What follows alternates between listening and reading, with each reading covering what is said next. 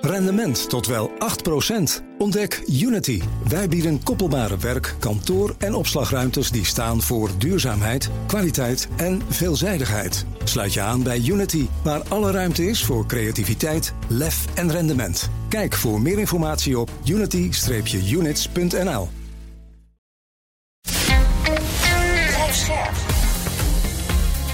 BNR Nieuwsradio. De wereld.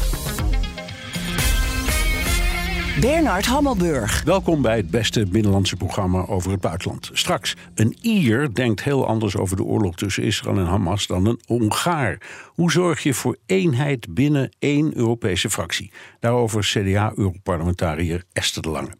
Maar nu eerst, de oorlog in het Midden-Oosten maakt het uitzicht op duurzame vrede kleiner dan ooit. Dat wil niet zeggen dat er niet aan wordt gewerkt. There's no going back to the status quo as it stood on October the 6th.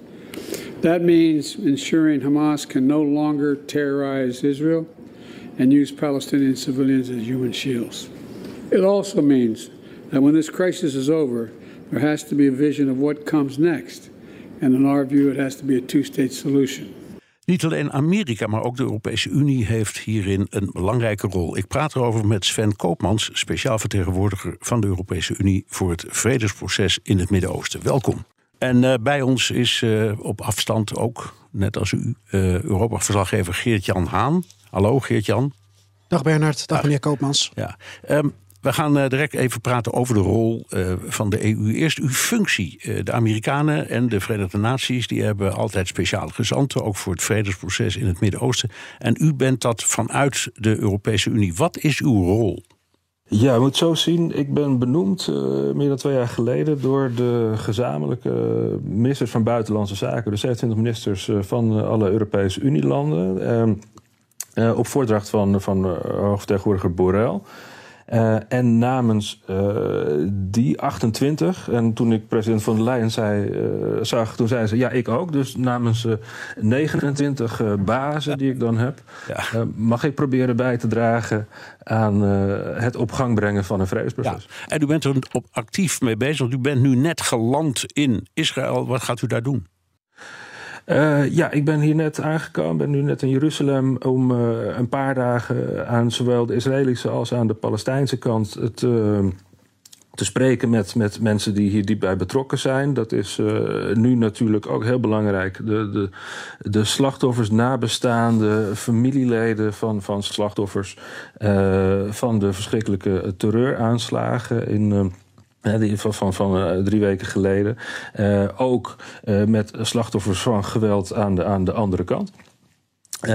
en met politieke leiders zoveel mogelijk om te praten over de huidige crisis. hoe kunnen wij eraan bijdragen dat die, dat die stopt? Hoe kunnen we zorgen ook dat de humanitaire hulp de mensen bereikt?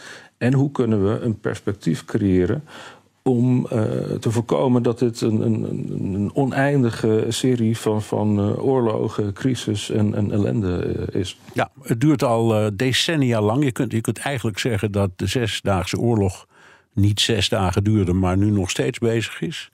Um, hoe verklaart u dat de, de, de bijna oneindigheid van dit conflict? Uh, ja, ik kan niet de hele geschiedenis, uh, maar, maar opruimen. Maar natuurlijk is het, gaat het om heel diepe gevoelens, angsten uh, en, en, en ambities van, van twee volken. Die, die door die, die gevoelens en die ambities en die trauma's die ze beide hebben, ze tegen elkaar staan. Het beloofde land, is vaak gezegd, is, is misschien aan te veel mensen tegelijkertijd uh, beloofd.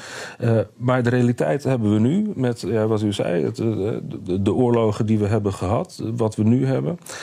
Um, er moet een praktische oplossing komen. Want uiteindelijk, alle, alle trauma's die, die er zijn, alle geschiedenissen, alle ambities, alle religieuze inspiratie die, die sommige mensen voelen. Um, die moeten toch leiden tot een situatie dat mensen in vrede naast elkaar kunnen leven. En dat mensen niet uh, permanent bang hoeven te zijn voor, voor, voor de buren of voor de, de overheersing of voor een, een terreuraanslag. Ja, u bent er al, uh, nou, 2,5 jaar bezig met deze baan. Uh, en onlangs bent u zelf uh, vanuit uw functie met een vredesinitiatief gekomen. Vertel. Ja, uh, wij hebben eigenlijk vanuit de Europese Unie uh, gedacht. Uh, het is natuurlijk zo dat, dat, dat het heel moeilijk is om de beide partijen bij elkaar te brengen. vanwege alles wat we net even bespraken. maar dat betekent niet dat wij als Europese Unie maar moeten wachten totdat de partijen zelf bij elkaar komen. En, en, ook van elkaar zeggen ze eh, soms: ja, we hebben geen vredespartner, dus we kunnen geen, geen zaken doen. De Europese Unie heeft hard gewerkt samen met Saudi-Arabië, met Egypte, Jordanië en met de secretaris-generaal van de Arabische Liga om te zeggen: oké. ook als de partijen niet bij elkaar komen op dit moment, kunnen wij niet ons eigen huiswerk doen. Kunnen wij niet in ieder geval het terrein voorbereiden. En wat betekent dat? Nou, twintig jaar geleden was er het Arabisch Vredesinitiatief. Ja, Israël geeft alle bezette gebieden terug en in ruil daarvoor krijgt het vrede met de hele Arabische wereld. Even heel kort samengevat. Daar kwam het op neer. Ja, nee, nee, prachtig. Uh, ik ga u, uh, uw woorden stelen. Uh, maar dat was inderdaad het, het idee van, van, van toen. En dat, dat voorstel dat bestaat nog steeds. Maar een aantal jaar geleden uh, hebben we de, de zogenaamde Abraham-akkoorden gehad. Uh, waar toen onder leiding van de Trump-regering een aantal Arabische landen, de Emiraten, Bahrein, Marokko. met name, uiteindelijk daar eigenlijk zijn uitgestapt en hebben gezegd: wij beginnen nu met diplomatieke banden met Israël. En dat heeft toen niet iets echt bijgedragen voor, voor, direct voor de Palestijnen. Maar het heeft wel laten zien hè, dat als er uh, diplomatieke banden zijn tussen Israël en, en uh, die Arabische landen, dat er dan ook inhoudelijke dingen gebeuren. Dus handelsovereenkomsten, veiligheidssamenwerking en zo meer. Nou, Daarnaast nog één element, dat is het Arabisch Vredestief, die Abraham-akkoorden. En tien jaar geleden heeft de Europese Unie gezegd: als er vrede komt, dan bieden wij ook een heel pakket aan hulp. Politieke bijdrage, economische bijdrage, veiligheidssamenwerking aan, aan zowel de Israëli's als de Palestijnen. Nou, wat we nu hebben gedaan als Europese Unie met de Saudi-Arabië, Egypte, Jordanië en anderen, is zeggen: laten we proberen die drie dingen eigenlijk in zekere zin te combineren. Te kijken wat kunnen wij eigenlijk allemaal op tafel leggen voor het moment dat er vrede is aan erkenning, aan handel, aan veiligheidssamenwerking, politieke samenwerking en zo meer. En dan zeggen we niet dat is genoeg, want daardoor zullen de partijen niet ineens vrede gaan maken. Maar het laat wel zien dat we iets willen bijdragen aan die vrede en dat er nog steeds een vrede bereikt moet worden. En we hebben dat gelanceerd Samen met uh, uiteindelijk 50, 60 andere landen en internationale organisaties. En die hebben allemaal gezegd: ja, laten we dit gaan doen. Laten we ons eigen huiswerk doen. Ja, maar, maar daar, zit, er zat dus geen vertegenwoordiging in van de Palestijnen en ook niet van de Israëliërs. Dus u praat over ze, maar niet met ze.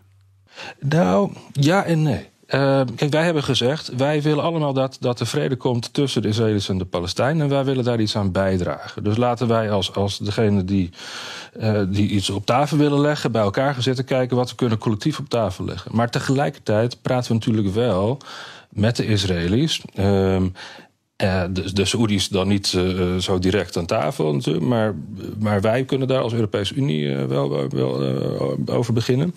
En we praten allemaal ook met de Palestijnen, maar apart. Uh, zodat wij hun kunnen vragen: Goh, wat willen jullie eigenlijk dat wij op tafel leggen? Wat willen jullie aan onze bijdragen? Dus ze zijn er wel bij, um, maar apart.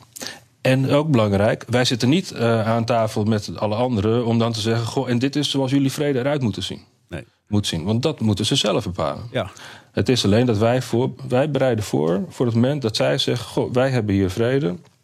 Dan kunnen wij zeggen: oké, en op deze manier kunnen jullie daarbij helpen. Ja. Uh, in het verleden is het zo geweest dat Europa door de regio met enig wantrouwen werd bekeken, zal ik maar zeggen. Amerika uh, heeft meestal het initiatief. Biden uh, pakt in dit geval ook wel weer een hoofdrol. En de steun vanuit Amerika is sowieso veel groter voor Israël. Ja, uh, en zo heeft iedereen een, een, andere benadering. De Amerikanen hebben een enorm grote rol, omdat zij eh, ook de grote veiligheidsgaranties bieden aan Israël op een manier dat niemand anders dat kan doen. En dat betekent ook dat de Amerikanen hele grote invloed hebben, dat ze hele grote verantwoordelijkheid hebben. En dat het ook logisch is dat als er, als er echt vredesonderhandelingen komen, dat dan de, de Amerikanen daar een belangrijke rol in hebben. Alleen, we hebben gezien de afgelopen 30 jaar dat Amerikanen het, het wel regelmatig proberen, maar dat het nooit lukt. En we hebben nu in de Europese Unie gezegd: oké, de Amerikanen zijn enorm belangrijk. Maar laten we niet alleen maar afwachten totdat zij iets gaan doen. Laten we ook onze eigen verantwoordelijkheid nemen, onze eigen bijdrage leveren. En dat proberen we ook samen te doen met de Amerikanen, maar ook met de Chinezen en met een heleboel anderen. Maar het is duidelijk dat de Amerikanen uiteindelijk eh, een doorslaggevende rol hebben als we ooit echt eh, tot vrede kunnen komen. Ja, meneer Koopmans. Uh, Frans Timmermans zei deze week: we moeten niet te veel achter Amerika aanlopen. En daarmee doelde hij op dat de Amerikaanse steun aan Israël niet betekent dat we in Nederland gelijk Israël zouden moeten steunen zoals Amerika dat doet. Bent u het met Timmermans eens? Nou, ik spreek nu eventjes niet uh, voor Nederland, maar voor de Europese Unie. Maar uh, ik zou zeggen, natuurlijk hebben wij allemaal ons, onze eigen verantwoordelijkheid en onze eigen positie. Maar het conflict daar uh, is, is ook iets waar Europa en Nederland natuurlijk heel direct bij betrokken is. We hebben allemaal persoonlijke banden. Er zijn heel veel mensen met, met familieleden, mensen die er zelf vandaan komen. Maar het gaat ook over onze, ons, onze waarden. Wat willen wij uh, voor, voor vrede en voor mensenrechten, en vrijheid uh, en veiligheid voor de mensen daar? Maar uiteindelijk gaat het ook over onze eigen directe belangen. Uh, het is ook onze veiligheid, de Europese veiligheid, die wordt beïnvloed door het conflict daar. Uh, ook, je kan ook nog kijken naar onze, onze economische belangen daar, maar ook onze economische mogelijkheden. Wij zijn als Europa de grootste handelspartner voor Israël. We zijn de grootste donor voor de Palestijnen. Um, en we hebben groot belang bij dat ook in onze, zeg maar, in onze buurt het Midden-Oosten, dat er daar rust, vrede en, en, en veiligheid uh, heerst. Dus wij bepalen zelf als Europa uh, hoe we er tegenaan kijken en wat we doen. Maar het is wel handig als we dan, uh, als we dan ook in de gaten houden wat de Amerikanen doen, maar ook wat anderen doen. Je krijgt wel de indruk dat uh, zeker een aantal Europese landen vrij klakkeloos achter Amerika aanloopt. Daar ga ik niet over. Ik, ik heb te maken met 27 landen die, die in de basis het allemaal eens zijn over hoe we het conflict zien. Namelijk, we geloven allemaal in een twee-staten-oplossing. We zijn allemaal erg bezorgd over de veiligheid van, van Israëli's en ook van de Palestijnen. We willen allemaal dat er stel een oplossing komt. Uh, maar het is natuurlijk wel zo dat in verschillende plaatsen in, in, uh, in de Europese Unie anders wordt gereageerd op het nieuws. En soms ook anders wordt gestemd in, in, de, in de Verenigde Naties over resoluties. Maar uiteindelijk, uh, kijk, al die landen hebben mij benoemd om deze baan te, uit, uit te oefenen. En met een duidelijk mandaat van probeer een vredesproces op gang te zetten. In ieder geval daar een bijdrage aan te leveren. Daar zijn ze het allemaal mee eens. De Hongaren en de Ieren. Uh, en iedereen uh, daar, daartussenin. Die, die steunt dat. Dit is BNR De Wereld. Mijn gast is Sven Koopmans, speciaal vertegenwoordiger voor de Europese Unie voor het vredesproces in het Midden-Oosten. En Europa-verslaggever Geert-Jan Haan is er ook bij. Friends need to tell each other the hard truths. And friendships require mutual respect. Israelis do not need to be lectured about the importance of peace by foreign leaders. John Kerry zag zijn voorstel voor een oplossing mislukken in 2016. Hij had zich suf gereisd tussen al die hoofdsteden. Um, en ook het Saoedische voorstel waar u het net over had van 20 jaar geleden, dat lukte uiteindelijk uh, niet. Um, waar u mee komt is eigenlijk een mix van wat uh, uh, destijds door de Saoedi's is voorgesteld. En waar um, dat verschilt eigenlijk, als je daar naar kijkt, nauwelijks van wat Abba Eban voorstellen aan het einde van de Zesdaagse Oorlog. Um, en dat is toen door de, door de, door de Arabische Liga stopgehouden met de zogenaamde Three No's of Khartoum. Maar eigenlijk waren de Israëliërs meteen na die oorlog al bereid om die gebieden weer terug te geven in ruil voor vrede. Dus dat zijn allemaal toch gepasseerde stations als je er zo naar kijkt. Kijk, er, er zijn heel veel uh, gemiste kansen geweest. Ik wil er niet, uh, niet eentje uitkiezen. Um, er zijn ook geen magische oplossingen. Dus ik, ik denk niet dat iemand kan komen, in ieder geval ik niet. Uh, maar ik zou verbazen dat iemand anders het wel kan. Die zegt: Oké, ik heb nu iets bedacht dat nog nooit is bedacht.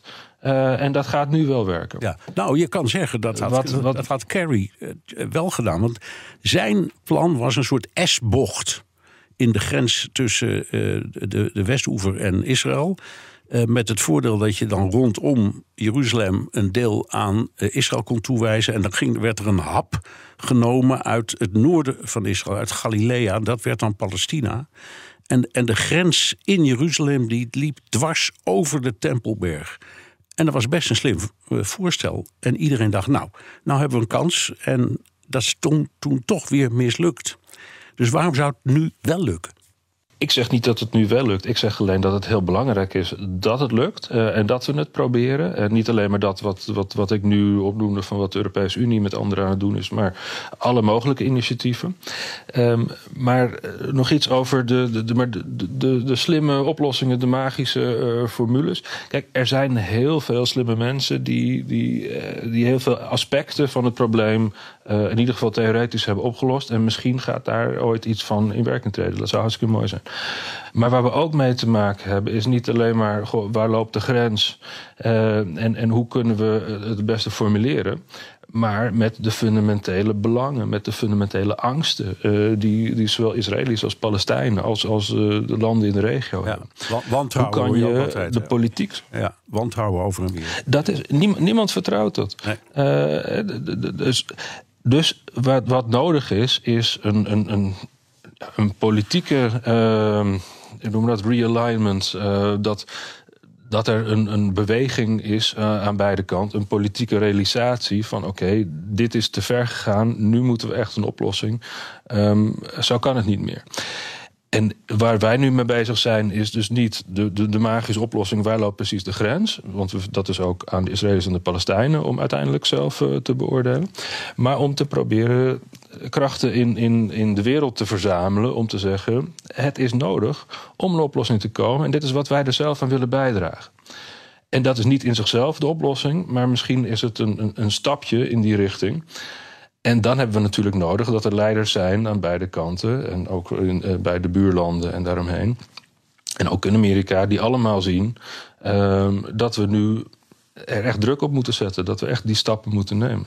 Meneer Koopmans, is er een, een serieuze, werkbare relatie tussen de EU en Israël? En ik vraag dat omdat vorig jaar, 2022, was voor het eerst in tien jaar weer een EU-Israël-top, Association Council. Um, maar ik kreeg daar de indruk dat Israël Brussel maar lastig vindt. Toenmalig premier Lapid ging niet eens. Die stuurde zijn minister voor geheime diensten. Beetje lullig om zo te zeggen voor uh, Borrell. Um, het lijkt erop dat Israël alleen maar op bilateraal niveau een relatie met Europese landen aan wil gaan en niet met Brussel als instituut. Klopt die observatie? Nou, dat denk ik eerlijk gezegd niet. Um, want de Europese Unie en Israël hebben hele nauwe banden op heel veel verschillende terreinen. Er zijn allemaal EU-programma's. Uh, over, over handel, over onderwijs, over uh, creatieve samenwerking, over heel veel dingen. Uh, waar uh, waar Europa en, en Israël heel sterk in samenwerken. En er zijn heel veel wederzijdse ontmoetingen waar het ook gaat over wat we, wat we, hoe we die relatie kunnen uitbouwen. Natuurlijk zijn er uh, verschillen. Kijk, de Europese Unie zegt die twee-staten-oplossing is voor ons belangrijk. En, en, we hebben het nu veel over het humanitaire recht. Dat moet worden toegepast in, in, in Gaza.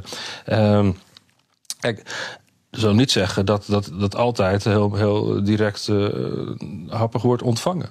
Maar we hebben wel hele goede uh, discussies. Um, en we worden gehoord. En daarnaast is het ook in Israël duidelijk dat wij als Europese Unie de grootste buur zijn. We zijn de grootste handelspartner. We hebben al die banden die ik net noemde, persoonlijk, geschiedenis, cultureel en zo meer. Um, dus daar is duidelijke basis om verder te werken. Maar dat is precies eigenlijk wat mij ook opviel aan die top vorig jaar. Uh, Lapid die belt nog wel even met een videoverbinding in om te benadrukken hoe belangrijk de economische relatie is en, en digitalisering en de culturele relatie. Maar als we het puur hebben over politiek, waarom gaan de deuren niet open als Sven Koopmans, speciaal vertegenwoordiger voor de EU, voor het vredesproces in het Midden-Oosten, een afspraak wil met een Israëlische minister, een premier, een president? We hebben het allemaal kunnen lezen op de Amerikaanse website Axios. De deuren gingen niet voor u open, maar ze weten u wel te vinden als u tweets publiceert over Gaza. Dat betekent toch dat Israël alleen een relatie met u, CQ, de EU, aan wil gaan op hun voorwaarden, niet als u aanbelt? Ja, ik heb groot respect voor de media, maar je moet niet altijd alles direct uh, en uitsluitend geloven wat u daar leest. Uh, ik heb daadwerkelijk uh, verschillende afspraken met, met Israëlische ministers van, van buitenlandse zaken, van allemaal van defensie en andere dingen. Ehm, dus dat zou ik niet te zeer overtrekken. Um, maar het is duidelijk, we hebben een hoop uh, te bespreken. En kijk, mijn, mijn mandaat, uh, mijn opdracht is om te helpen zo'n vredesproces op gang te brengen. Kijk, daar zijn heel veel verschillende meningen over. Daar moeten we soms ook moeilijke gesprekken over hebben. Maar het is ook duidelijk dat, uh, dat wij als Europese Unie, wij staan naast Israël in de, de bescherming van Israël, in de, de, de veiligheid van Israël. Dat hebben we meteen gezegd naar de, de verschrikkelijke terreuraanslagen. Die, die veroordelen we allemaal, collectief. Uh, en vervolgens bieden we zoveel mogelijk hulp en steun aan.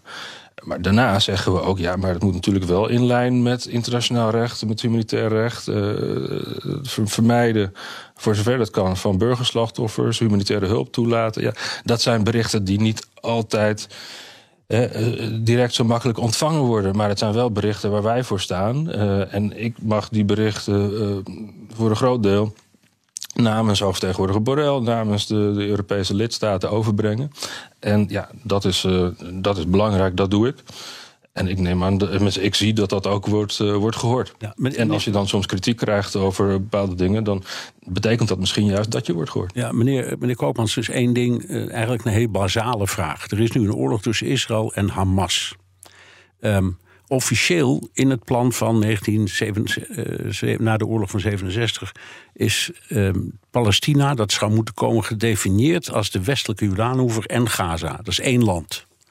Uh, die twee landen die leven op voet van oorlog met elkaar. Uh, dus hoe kun je onder deze omstandigheden ooit verwachten dat uh, Israël, dat gebruiken ze ook vaak als argument, zeggen, als je tegen een Israëliër zegt, ga eens over vrede praten, dan zegt hij, oh ja, met wie dan? hoe ziet u dat? Uiteindelijk moet er een Palestina komen en een Israël, onafhankelijke staten. Maar daarvoor moet toch eerst wel Hamas worden opgeruimd? Hamas is een verschrikkelijke terroristische organisatie. En, en wat, we afgelopen, wat we drie weken geleden hebben gezien aan, aan die verschrikkelijke massale uh, moord op zoveel mensen. Uh, en daarnaast uh, het gijzelen, dus het als gijzelaar nemen van nog honderden mensen. Ja, dat betekent dat het dus natuurlijk geen zaken kan doen met, met Hamas. En Hamas is de afgelopen uh, 16 jaar degene die, geregeerd heeft over de Gazastrook. Dat maakt inderdaad uh, het super moeilijk om, om, om vredesonderhandelingen op te starten. Aan de andere kant, Hamas is niet hetzelfde als het Palestijnse volk. Er zijn heel veel onschuldige uh, Palestijnen die het beste willen, die vrede willen, die uh, gewoon een leven willen opbouwen. Die worden niet door Hamas vertegenwoordigd. Die wonen ook in de Gazastrook, ook in de, in de Westbank, in de westelijke Jordaanoever en in Oost-Jeruzalem. Uh, en die moeten de gelegenheid krijgen om die vrijheid te bereiken in zo'n Palestijnse staat. En u heeft helemaal gelijk, denk ik, dat uh, om echte vredesonderhandeling te hebben, moet je een, een, een Palestijns leiderschap hebben dat niet alleen maar uh, theoretisch, maar ook effectief kan spreken voor iedereen. Nou, daar, daar moeten we een hele hoop in investeren. Maar je hebt de Palestijnse autoriteit. Die hebben heel lang geleden uh, voor de laatste verkiezingen gehad op nationaal niveau. Dus dat is echt een probleem. Ja, je kunt zeggen, Abba, Abbas, maar... Abbas is de, nee, denk ik de politicus met het wereldrecord um, demissionair zijn. Uh, ja, kijk, hij is heel lang geleden voor vier jaar gekozen. En sindsdien zijn er geen verkiezingen geweest. Nee. En daarom is het ook een belangrijke boodschap van de EU altijd... dat die verkiezingen er moeten komen. Ja. Die verkiezingen maar... moeten ook wel mogelijk zijn uh, over dat hele terrein. En daar hebben we dan ook weer gesprekken met Israël over. Maar de legitimiteit van, het Palestijnse, van de Palestijnse autoriteit... het democratische uh, gehalte daarvan dat moet heel duidelijk, uh, ja, hoe noemen we dat, uh, vernieuwd worden. Ja. Maar um, uiteindelijk, waar het om gaat, is dat je een Palestijns leiderschap hebt dat zo'n onderhandeling, zo'n vredesonderhandeling met Israël kan doen en dan uiteindelijk kan tekenen. En dat als ze tekenen, dat het dan ook geïmplementeerd wordt. Ja. Um, en dan is het niet alleen maar nuttig om alleen maar te kijken naar, naar de verdeling, maar ook te kijken naar hoe gaan we het uiteindelijk oplossen. Oké. Dank Sven Koopmans, speciaal vertegenwoordiger van de Europese Unie voor het vredesproces in het Midden-Oosten. Ik hoop dat u met uw missie heel veel succes hebt. BNR Nieuwsradio. De wereld. Bernard Hammelburg. Niet alleen in de lidstaten, maar ook het Europese parlement heerst verdeeldheid over de oorlog tussen Israël en Hamas. When you go to Israel, as uh, Commission Chairwoman uh, van der Leyen has done, and you promise unconditional support at the moment at which Israel announces the forced displacement of 1.1 million Palestinians in Gaza, which is a war crime. Israel should respect international law and international humanitarian law, which applies to all countries. Dat zei de Belgische Europarlementariër Mark Botenga van de linkse fractie. Ik praat erover met Esther de Lange, CDA-Europarlementariër en vicevoorzitter van de EVP-fractie. Welkom. Ja, dankjewel. Um, waar de, de Unie over Oekraïne nog wel een beetje, nou ik zal maar zeggen, eensgezindheid tonen, niet over alles, maar toch wel vaak. Um, is dat rond Israël compleet anders, ook in het parlement. Hoe, hoe beleeft u dit? Nou, het is, het is moeilijker om van nature op een gemeenschappelijke positie te komen. Ook omdat er wegens het verleden in bepaalde lidstaten, denk aan Duitsland, uh, die reageert anders dan dat een land als Ierland reageert. Even los van de partijpolitiek, überhaupt. Dat die landen die kijken daar anders naar. Dus je moet wat meer je best doen om tot een gemeenschappelijke positie te komen. Dat lukt dan weer wel uiteindelijk, uh, maar je hebt er wat meer uh, tijd voor. Ja, ja, zou je kunnen zeggen, Duitsland heeft natuurlijk het Holocaust verleden, dus die moeten uitkijken. En, en de Ieren die zijn natuurlijk ontzettend geholpen destijds door de PLO in hun de IRA.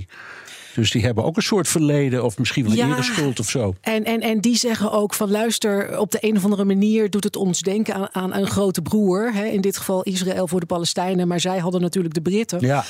Um, en en uh, ja, het is bijna gevoelsmatig hoe er dan gereageerd wordt. Je ziet ook in Berlijn uh, de heel grote Israëlische vlag op het Brandenburger Tor. En dus ook uh, op het Berlaymont-gebouw van de Europese Commissie. Hè? Onder de Duitse commissievoorzitter Ursula von der Leyen. Ja, dat hadden andere leiders misschien anders gedaan. Wat, wat ik interessanter vind, is dat je uiteindelijk op inhoud. Wat doe je met de steun aan de Palestijnse gebieden? Uh, dat soort vragen uh, elkaar wel weer vindt. Oké, okay, en dat lukt. En dat lukt. De neuzen komen uiteindelijk wel dezelfde kant op. Ja, maar dus met wat meer moeite dan uh, op, het, op, het, op, op de kwestie Oekraïne.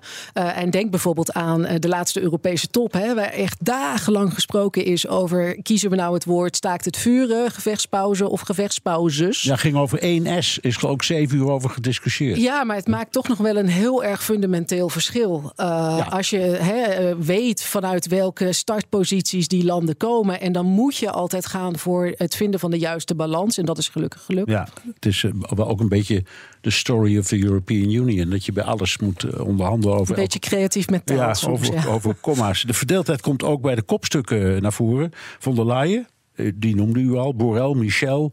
Uh, allemaal net iets anders. Wat vindt u van hun optreden in deze zaak? Nou, je merkte de eerste paar dagen dat heel erg um, teruggevallen werd op deels ook nationaal ingegeven reflexen. He, je wieg heeft ergens gestaan. Daar kan je bijna nog niks aan doen. Dus dat voorbeeld van die vlag op dat Berlaymont-gebouw. Ja, in Berlijn was dat doodnormaal, want zij deden het ook op de Brandenburger Tor. Maar mensen van een andere nationaliteit vinden dat misschien niet zo automatisch normaal. Dus je merkte dat ze even hun voeting moesten vinden, zoals dat in het Engels uh, heet. Maar uh, bijvoorbeeld dat proefballonnetje wat werd opgelaten door de Roemeense, uh, sorry, Hongaarse eurocommissaris. Uh, ja, ja, die sowieso zeer pro-Israëlisch is. Eigenlijk het liefst alle steun aan uh, Palestina zou stopzetten, zelfs voor wat er met Hamas gebeurde.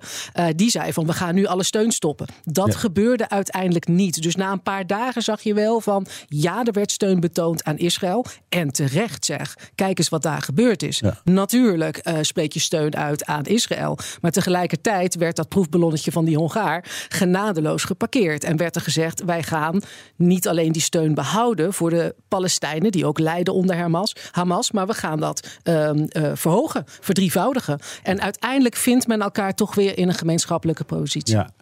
Um, Sven Koopmans was hier uh, net voor u speciaal vertegenwoordiger voor het vredesproces in het Midden-Oosten. Ik zeg hier, dat is niet waarheid. Hij zit in Jeruzalem, daar was hij net aangekomen.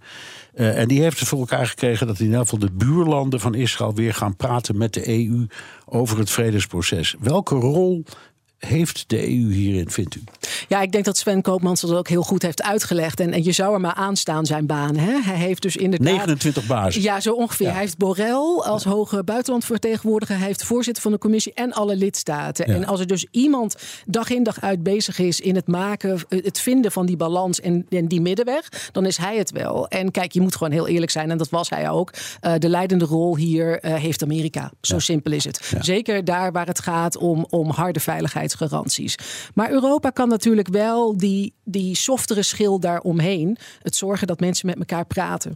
Het zorgen dat gemeenschappen elkaar de hand reiken. In Ierland, Noord-Ierland, hebben wij niks anders gedaan dan dat als Europese Nou, Unie. dat is door uh, George Mitchell, een Amerikaan, opgelost. En uh, Europa heeft ja, er alleen maar een zootje uit, van gemaakt. Nou, als je kijkt naar uiteindelijk die wat meer humanitaire schil daaromheen. En ja. het beschikbaar stellen van fondsen die dus heel erg on the ground. Gewoon gemeenschappen hielpen. Dat ja. kinderen gemeenschappelijk naar een kinderdagverblijf konden. Of die kinderen nou protestant of katholiek waren. Dat zijn de dingen waar Europa goed in is. En dat is zeg maar de weg die hij aan het voorbereiden is om te zeggen: als dit conflict voorbij is zal men weer met elkaar moeten praten. En dat gaat dan niet alleen over veiligheidsgaranties. Dat gaat ook over het, het uh, begrip kweken voor elkaar. Het vinden ja. van een oplossing over gemeenschapsgrenzen ja, heen. We hebben ook nog een ander probleem. Uh, waar u en wij allemaal veel mee bezig zijn. Is Oekraïne. En er is een soort van grapschandaaltje net gebeurd met uh, de Italiaanse premier Meloni. Uh, die dacht dat ze belde met uh, de leider van de Afrikaanse Unie, maar dat was een Russische comediant. En daartegen zei ze iets, dat, dat ongeveer van, er, er heerst een soort vermoeidheid over die oorlog in Oekraïne. En dat kan er wel een truc zijn geweest en opzet. En we hebben er allemaal echt om gelachen. Maar ze had misschien wel een punt. Bent u bang dat we Oekraïne over het hoofd gaan zien? Ik, ik, ik niet alleen, denk ik. Uh, dit was ook de grootste angst van Zelensky. Hij heeft daar meerdere keren over gesproken. Volgens mij uh, zijn eerste toespraak uh, in de Tweede Kamer, digitaal. zei hij van, ja, nu staan jullie aan onze kant. Maar ik ben bang dat het over een jaar anders is. Dat jullie ons gaan vergeten. Dus dat is zijn grootste angst. En nu komt daar nog een tweede conflict een tweede oorlog bovenop. Um, dus ik begrijp die angst volledig. En wij moeten erover waken dat dat niet gebeurt. Want ondertussen is het ook nog oorlog in Oekraïne. Ja, en, en hebt u de indruk dat de, de eensgezindheid... die was over Oekraïne van meter van iets groter dan over Israël en Gaza... dat dat in stand blijft?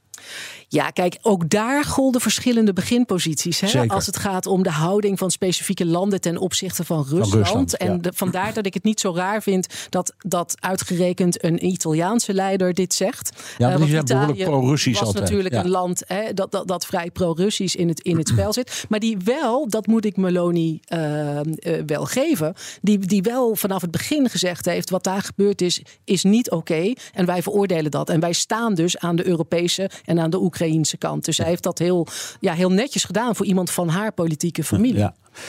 Um, mogen we het even hebben over Esther de Lange? Ja, dat mag. Ja, ja. Uh, uh, op 6 juli volgend jaar uh, zijn er Europese parlementsverkiezingen en u staat niet op de kieslijst. Nee, dat klopt. Dat valt wel op. Waarom?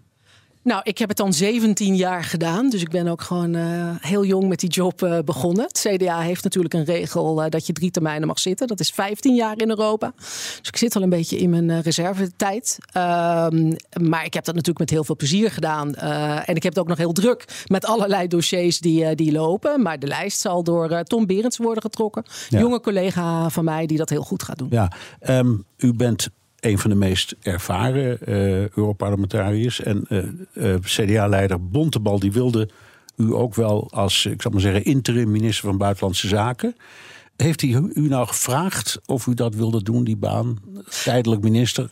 En als dat zo is, waarom bent u dat niet geworden? Ja, nou het mooie van Henry Bontebal, en dat is echt wel nieuwe politiek bij een oude partij, wat het CDA dan natuurlijk toch is, is dat hij dat ook gewoon gezegd heeft. Dat hij mij gevraagd heeft om die job eh, over te nemen. En ik heb daar natuurlijk serieus over nagedacht. Want als die vraag gekomen was aan het begin van een kabinetsperiode, dan had mijn koffer bij wijze van spreken al gepakt klaargestaan. Buitenland, Europese zaken, dat is waar mijn hart ligt en dat is waar ik goed in ben.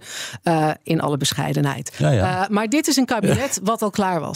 Uh, en dan zeg ik, Henry, in alle eerlijkheid, als je nieuwe politiek wil bedrijven, dan moet je misschien ook kijken wat je al in huis hebt. En ik denk dat we met Hanke Bruin Slot een uitstekende minister van Buitenlandse Zaken hebben, die notabene zelf gediend heeft in ja, het buitenland. Ja, militaire achtergrond. Ja. Absoluut. maar wij... dan zou je zeggen dat ze beter geschikt voor defensie dan buitenlandse zaken. Ja, oké, okay, maar we, die, de hele puzzel konden we niet leggen. Maar het was wel een feit Zeker. dat we met Hugo de Jonge op Binnenlandse Zaken erbij en Karine van Dan uh, de extra rol als vicepremier. Dat we eigenlijk heel netjes in die laatste maanden van een al demissionair kabinet met de bestaande equipe daar de zaken konden waarnemen. En ik denk dat dat ook wel uh, net zo eerlijk is. Ja, dat is ook zo. Ik, ik heb er bij, bij de VN zien optreden. Toen was ze gewoon net 2,5 week bezig. Het leek wel alsof het al jaren deed. Dus, nee, daarom. Dus we hebben daar goede mensen zitten. En Ja. ik denk dat dat ook naar de Nederlanders toe eerlijk is. Nu iemand benoemen voor maar een tijdje terwijl je goede mensen hebt zitten. Ja. Dan maak ik mijn werk in, uh, in Brussel Dan- uh, netjes af. Dan de baan dan, waar het allemaal om ging. Het vertrek van eh, Timmermans. De opvolging door Hoekstra. Ehm,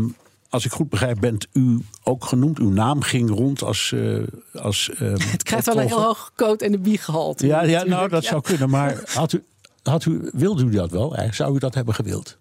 Nou, weet je, eh, ik, ik vind dat vrouwen daar soms te bescheiden over zijn. En Nou, dat hoeft en- hier niet, en- hoor. En zich soms ook niet melden voor dat soort functies. Ik heb in alle eerlijkheid op het moment dat het duidelijk werd dat Frans Timmermans eh, terug naar Nederland zou gaan, eh, heb ik een sms'je gestuurd aan onze premier. Want Den Haag benoemt dit soort, hè, doet een voordracht voor dit soort posities. En gezegd, joh, als je nog iemand zoekt die deze portefeuille van haver tot gort kent. Ik weet er een. Ik weet er een Ja. en ik ben ook bereid, al is het maar voor een jaar, om die taken op me te nemen. Nou, u, u kent onze premier een beetje, die reageert meteen, eh, is meteen heel enthousiast. Maar het werd heel snel duidelijk dat dit een benoeming ging zijn in een hele kleine Haagse, Haagse kring. Eh, hè, waarbij de naam van Sigrid Kaag werd genoemd en uiteindelijk ook die van Wopke Hoekstra. En dan is het een keuze aan de premier. Ja, dus ehm, nou ja, hij heeft voor iemand gekozen, zeg ik dan maar. En niet tegen u of tegen Sigrid Kaag. Je moet voor iemand kiezen op een bepaald moment. Was een goede keuze? Nou, dat denk ik in deze fase wel. In die zin dat eigenlijk die, die, die, die portefeuille ehm, van de klimaatcommissaris... die heeft, die heeft twee pijlers. Eén grote pijler is natuurlijk de Green Deal. Hè? Hoe zorg je ervoor dat je kli- klimaatneutraal wordt op zo'n manier... eh, dat je ook nog concurrentiekrachtig blijft. Eh, dat je industrie ook nog hier blijft en niet naar China vertrekt. Nou, da- daar waren wij eh, qua wetgeving voor een heel groot deel mee klaar. Dat waren de wetten die Timmermans heeft voorgesteld. Die zijn nu af, aangenomen of bijna klaar.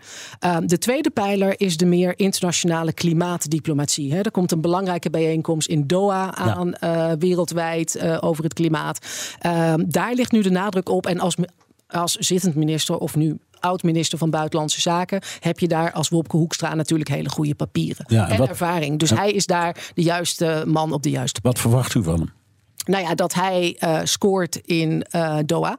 Uh, want dat is nu eigenlijk de belangrijkste bijeenkomst. Hij heeft weinig tijd gehad. Eigenlijk maar een paar weken om zich daarop voor te bereiden. Natuurlijk is de commissie wel een, een machine hè, die heel veel kennis in huis heeft om dat in goede banen te leiden. En ja, maar je moet, het, je moet het allemaal ook in je doen. hoofd zien te krijgen. Ja, oké, maar kijk, het, het, leuke van Brussel is natuurlijk wel dat, dat zo'n eh, minister, eh, een, een minister in Nederland wordt niet onderworpen aan een hoorzitting à la Europees Parlement.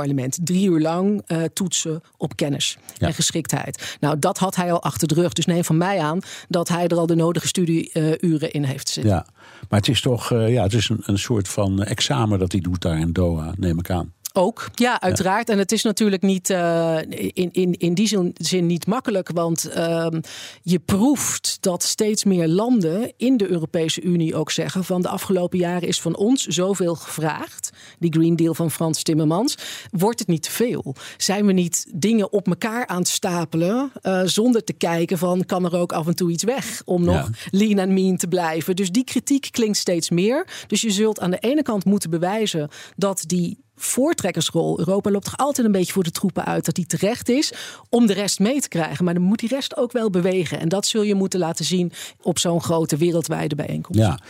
Um, tot die tijd bent u nog druk aan het werk, zei u al. Op dit moment, u hebt nu vakantie. Maar, uh, of, nou ja, vakantie. Ik zit hier, maar nou inderdaad. Ja. Nou, dat het, is toch een vakantiemoment? ja. ja.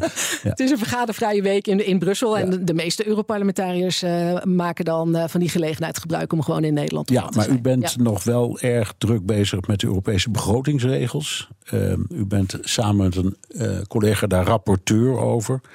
Um, als er één kwestie is waar men het in Europa niet over eens is, is dit het. Hoe liggen de verhoudingen op dit moment? Nou, wij zijn erin geslaagd, ondanks het feit dat uh, wij van twee totaal verschillende politieke families zijn, om daar denk ik een goede middenweg in te vinden. De Europese Commissie heeft een voorstel gedaan en heeft gezegd: kijk, die begrotingsregels, we gaan niet morrelen aan die 60% en die 3% hè, die in het verdrag zijn uh, verankerd over staatsschuld en, en, en uh, begrotingstekort. maar we zien wel dat de huidige regels heel slecht gehandhaafd worden, heel erg complex zijn en eigenlijk eenheidsworst zijn, terwijl die landen allemaal net even iets verschillend in de race zitten. Dus het voorstel van de commissie is om wat meer landenspecifiek naar die schuld te gaan kijken, maar wel allemaal binnen dezelfde methodologie dezelfde kant op te gaan. En ik denk dat dat een goed voorstel is van de Europese Commissie. En vanuit mijn familie, de Europese Volkspartij, waak ik er wel over dat er ja, ook nog wel wat zekerheidjes worden ingebouwd om ervoor te zorgen ja, ja. Dat, je, dat je mensen niet op hun mooie ogen hoeft te vertrouwen, maar dat er hè, uh, ook bepaalde uh, benchmarks zijn waar landen zich aan moeten ja, nee, nou, u hebt natuurlijk gelijk. Sommige landen kunnen het makkelijker waarmaken en anderen hebben er wat meer moeite mee. Begrijp ik u nog goed dat u zegt: als ze het makkelijk kunnen, moeten ze het ook doen? En als ze echt grote moeite hebben, moet je misschien wat meer gedogen. Zoiets. Nou, nee, dat zeg ik zeker niet. Want dan zou je vanuit een andere methodologie uh, werken. Maar het is wel logisch dat je zegt: kijk naar de staatsschuld uh, van, uh, nou, laten we Italië opnieuw nemen. Die is ontstaan in nou, bijna twee generaties geleden ten opzichte van de politici die er nu zitten. Dus ja. tegen die politici zeggen van jij moet de prijs betalen voor wat destijds gebeurd is. En je moet in dezelfde tijd dat tekort gaan terugbrengen naar 60% als dat we dat vragen van een land wat net net boven de 60 zit, is dat natuurlijk totaal niet geloofwaardig. Dus dat je gaat kijken om die bocht te maken, heeft Italië misschien net iets langer nodig ja. dan een ander land. Maar ze moeten wel op hetzelfde punt uitkomen. Dat vind ik helemaal terecht. Ja, bovendien, uh, Italië is een van de grootste economieën. Dat vergeten we wel eens. Maar het is een hele grote economie. Dus je kunt ook wat makkelijker met ze meedenken en ook eisen stellen. Ja, nogmaals, dat lijkt weer alsof je zegt van we doen eigenlijk elk land uh, op zijn eigen merites en een eigen aanpak. Dat is niet zo. Het is binnen eenzelfde methodologie. En ik denk dat dat ook voor een land als Nederland wel heel erg, uh, heel erg belangrijk is. Wat ik wel nog interessant vind, is dat we nu heel erg over die uh, regels die gaan over de nationale begroting aan het spreken zijn.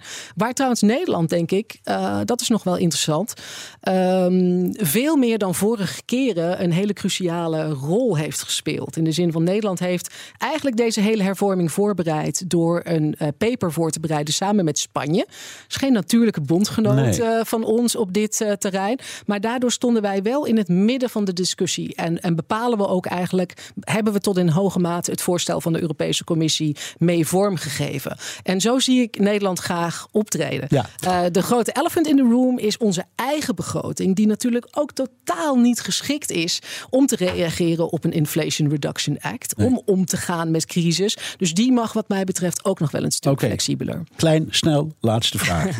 er komen Europese verkiezingen aan. Bent u geïnteresseerd in de positie van de Europese Commissie? Een baan, een Oh, kijk, ik loop lang genoeg mee om te weten uh, dat dat soort jobs echt, uh, nou, soms uh, in de nanacht ergens op een hele creatieve manier worden opgelost. Ik kan mij nog heel goed herinneren hoe Ursula von der Leyen, ja, ook in onze eigen politieke familie. Ja, die kwam zomaar uit een duveltje nou, uit de doos. Ja. Ooit, als ik ooit met mijn wagens ga schrijven, kan ik nog wel toegeven dat weken eerder Angela Merkel al tegen mij zei: Ik heb ja immer nog die Ursula. Ja. en daar werd toen overheen gekeken ja. over dat bijzinnetje. Maar het werd uh, die Ursula. En trouwens, ze doet het ongelooflijk. Ja, dat is ook. Oké. Okay.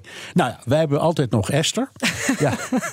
Dank Esther de Lange, CDA-Europarlementariër en vicevoorzitter van de EVP-fractie. En tot zover BNR De Wereld. Terugluisteren kan via de site, de app Spotify of Apple Podcasts. Reageren kan via een mailtje naar dewereld.bnr.nl. Tot volgende week. Rendement tot wel 8%.